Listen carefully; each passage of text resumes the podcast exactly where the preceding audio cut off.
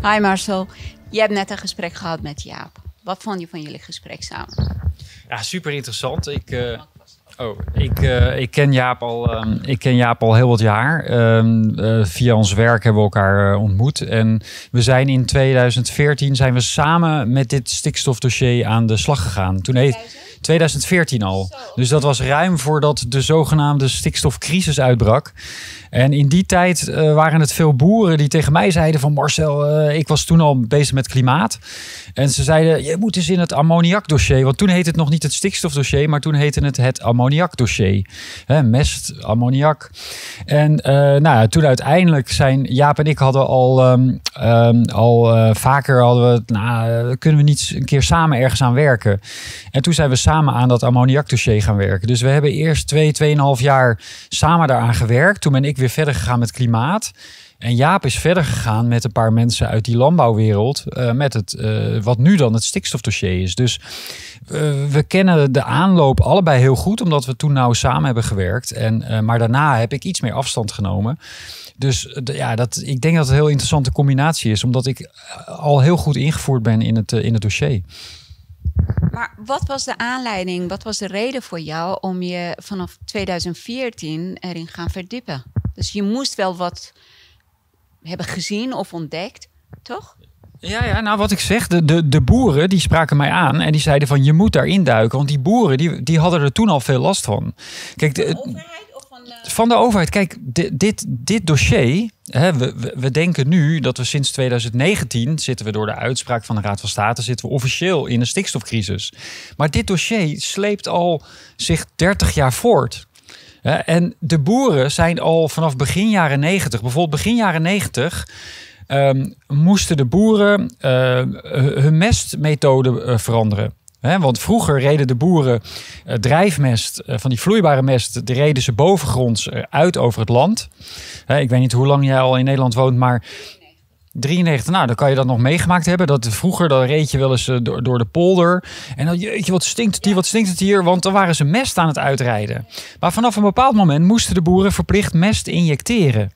Dus daar heb je speciale apparatuur voor nodig. Niet alle boeren kunnen die apparatuur aanschaffen. Dus toen kreeg je ook allerlei loonbedrijven. En die moesten, want die kunnen dan met geld van de Rabobank, kunnen ze dat soort apparatuur. En die verhuurden dat dan weer aan de boeren. En de boeren moesten niet alleen hun mestmethode aanpassen. De boeren moesten ook hun stallen aanpassen. Ze moesten mestopslagen gaan bouwen. Die mestopslagen moesten goed afgedicht worden. Enzovoort, enzovoort, enzovoort. Dus die boeren, die zijn al 30 jaar bezig om het stikstofprobleem aan te pakken. En dat is een van de hoofdredenen waarom die boeren nu zo boos zijn. Want na 30 jaar alles gedaan te hebben wat de overheid hen opdroeg, is er nu plots een stikstofcrisis en zij, zij, zijn zij nog steeds de gebeten hond. Zij zijn degene die nog steeds het probleem veroorzaken. Terwijl ze 30 jaar lang alles hebben gedaan wat de overheid heeft, uh, heeft opgedragen. Oké, okay, ja, dit wist ik niet. Ja, is, uh, zo zie je maar. Hè. Dat is, dat, daarom is het ook zo belangrijk. Dat, dit dossier is zo complex. Het heeft, het heeft Jaap en mij ook niet voor niets toen al twee, tweeënhalf jaar geduurd. Het heeft ons toen al 2,5 jaar geduurd om gewoon um, um, ja, die, die, die basisresearch te doen van wat, wat speelt hier nu allemaal hè, aan maatregelen, maar ook wat is de wetenschap die, die onder het beleid ligt. Wat, wat, wat, we, hebben bijvoorbeeld net in het gesprek gehad over dat uh, er zijn proefjes gedaan in Wageningen bij Wageningen Universiteit. Gewoon mest uitrijden met verschillende methodes. En dan hoeveel emissies komen daar dan bij vrij. Nou, en Jaap, en een van de eerste dingen die Jaap en ik uh, wilden doen, was gewoon eens kijken van naar die, naar, die, naar die data die ze toen hebben geproduceerd. Van jongens, we willen dat graag narekenen wat jullie toen gedaan hebben. En toen kregen we te horen, de data zijn, zijn er niet meer. Want we zijn zo vaak verhuisd, dit en dat, ze zo, we hebben die data niet meer.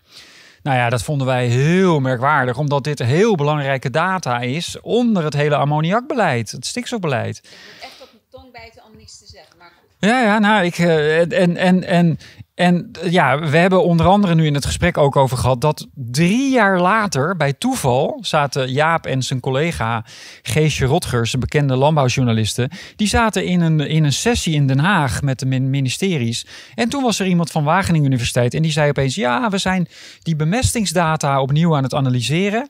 En Jaap en Geesje, uh, bemestingsdata. Wacht even, die waren er, waren er toch niet meer? Nou, toen bleken ze er na drie jaar bleken ze er wel degelijk te zijn. Nou ja, goed, kijk, en dat heeft natuurlijk bij veel boeren al uh, veel kwaad bloed gezet. Omdat ze dus uh, aan de hand van onze eerste onderzoeken kwamen ze er al achter. Ja, wacht even, er valt hier wel heel wat op af te dingen. De, de wetenschappers zijn niet altijd transparant. Het is moeilijk na te rekenen. De onderbouwing is vrij zwak. Ja, en dat, en die, zoek, die zoektocht van Jaap, die gaat nog steeds door. We zijn, hij is nu acht jaar bezig. Maar zoals hij ook tegen jou zei, nog lang niet alle puzzelstukjes die, eh, die, die, zijn, die, die, die liggen er. En uh, vind je het terecht hoe het nu gaat? Dat is een hele domme vraag, weet ik, maar dat wil ik graag van jou horen. Hoe, hoe wat nu gaat? Kun je iets preciezer zijn? Ja, hoe overheid nu met de boeren uh, aan de slag gaat. Nou ja, ik denk dat dat, ja, ik denk dat het zeer onterecht is. Een beetje naar aanleiding van wat ik net vertelde, dat de boeren 30 jaar lang gewoon gedaan hebben. Die wil, boeren willen niet vieze Henkie zijn. Die, als, dus als je tegen een boer zegt van kijk, uh, uit jouw stal komt ammoniak vrij, dan moet je gaan minderen, dan moet je je stal aanpassen. Nou, dan doen die boeren dat gewoon dus die boeren hebben 30 jaar lang hebben ze, uh, gewoon gedaan wat hen werd opgedragen. En om dan na 30 jaar te zeggen, er is nu eens, nog steeds een stikstofcrisis en jullie hebben de schuld. Ja, dan kan ik me de woede van die boeren kan ik me zo goed voorstellen. Denk je niet dat de gehoorzaamheid van de boeren heeft uh, dit zover laten komen? Want de overheid heeft het gevoel misschien dat, kijk, ze doen toch alles wat we uh, eisen.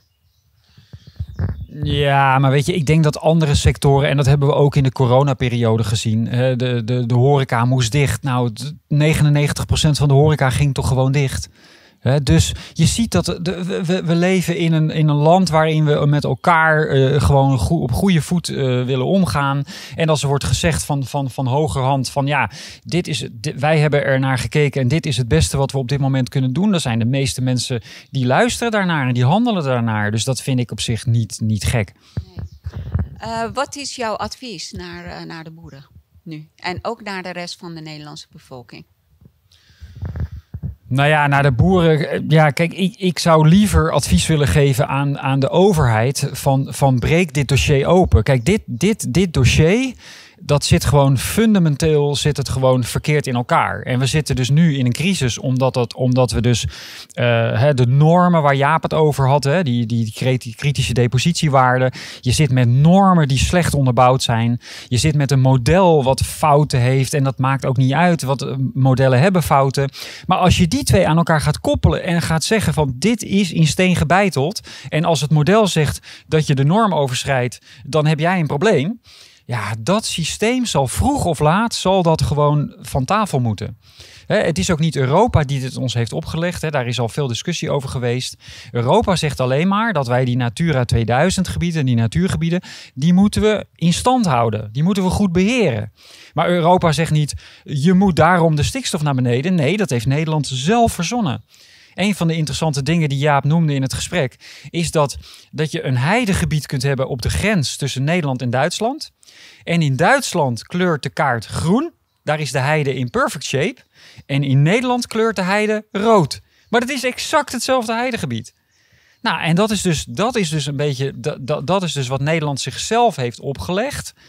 En dan kan je zeggen, ja, we kunnen het probleem nu oplossen. Uh, ons, ons hele verknipte systeem kunnen we nu oplossen door de helft van de boeren uit te kopen. Ja, dat kan je doen.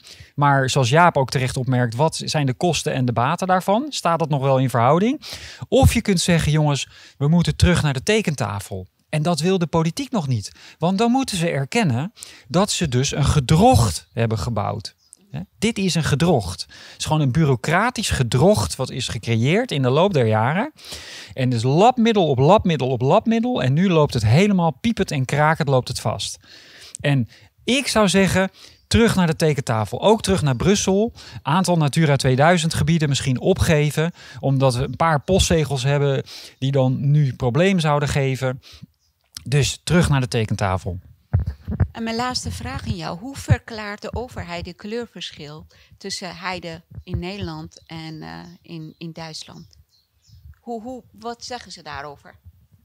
Uh, ik weet niet precies wat de Nederlandse overheid daarover zegt, want er wordt volgens mij niet zo vaak naar gevraagd. Maar het betekent gewoon dat in Duitsland worden, of wordt er op een andere manier gekeken naar het heidegebied. Ja? Daar wordt ook niet alleen stikstof uh, meegenomen in de overweging, maar ook andere factoren. Want dat, dat is ook een van de dingen die Jaap bespreekt in ons gesprek. Je, iedereen kan op zijn klompen aanvoelen dat een natuurgebied Wordt dat alleen bepaald door stikstof? Nee, dat wordt ook bepaald door of je daar uh, grote runderen laat lopen. Of dat er heel veel ganzen zitten. Of dat er heel veel recreatie is. Of wat je met de grondwaterstand doet. Uh, klimaatverandering heeft ook een rol op het natuurgebieden in Nederland. Meer CO2 in de lucht heeft ook een rol. Maar van al die factoren die een rol kunnen spelen op de natuur in Nederland, hebben we dat gereduceerd tot één factor, dat is stikstof. Ja, zegt het, stikstof is natuur, natuur is stikstof.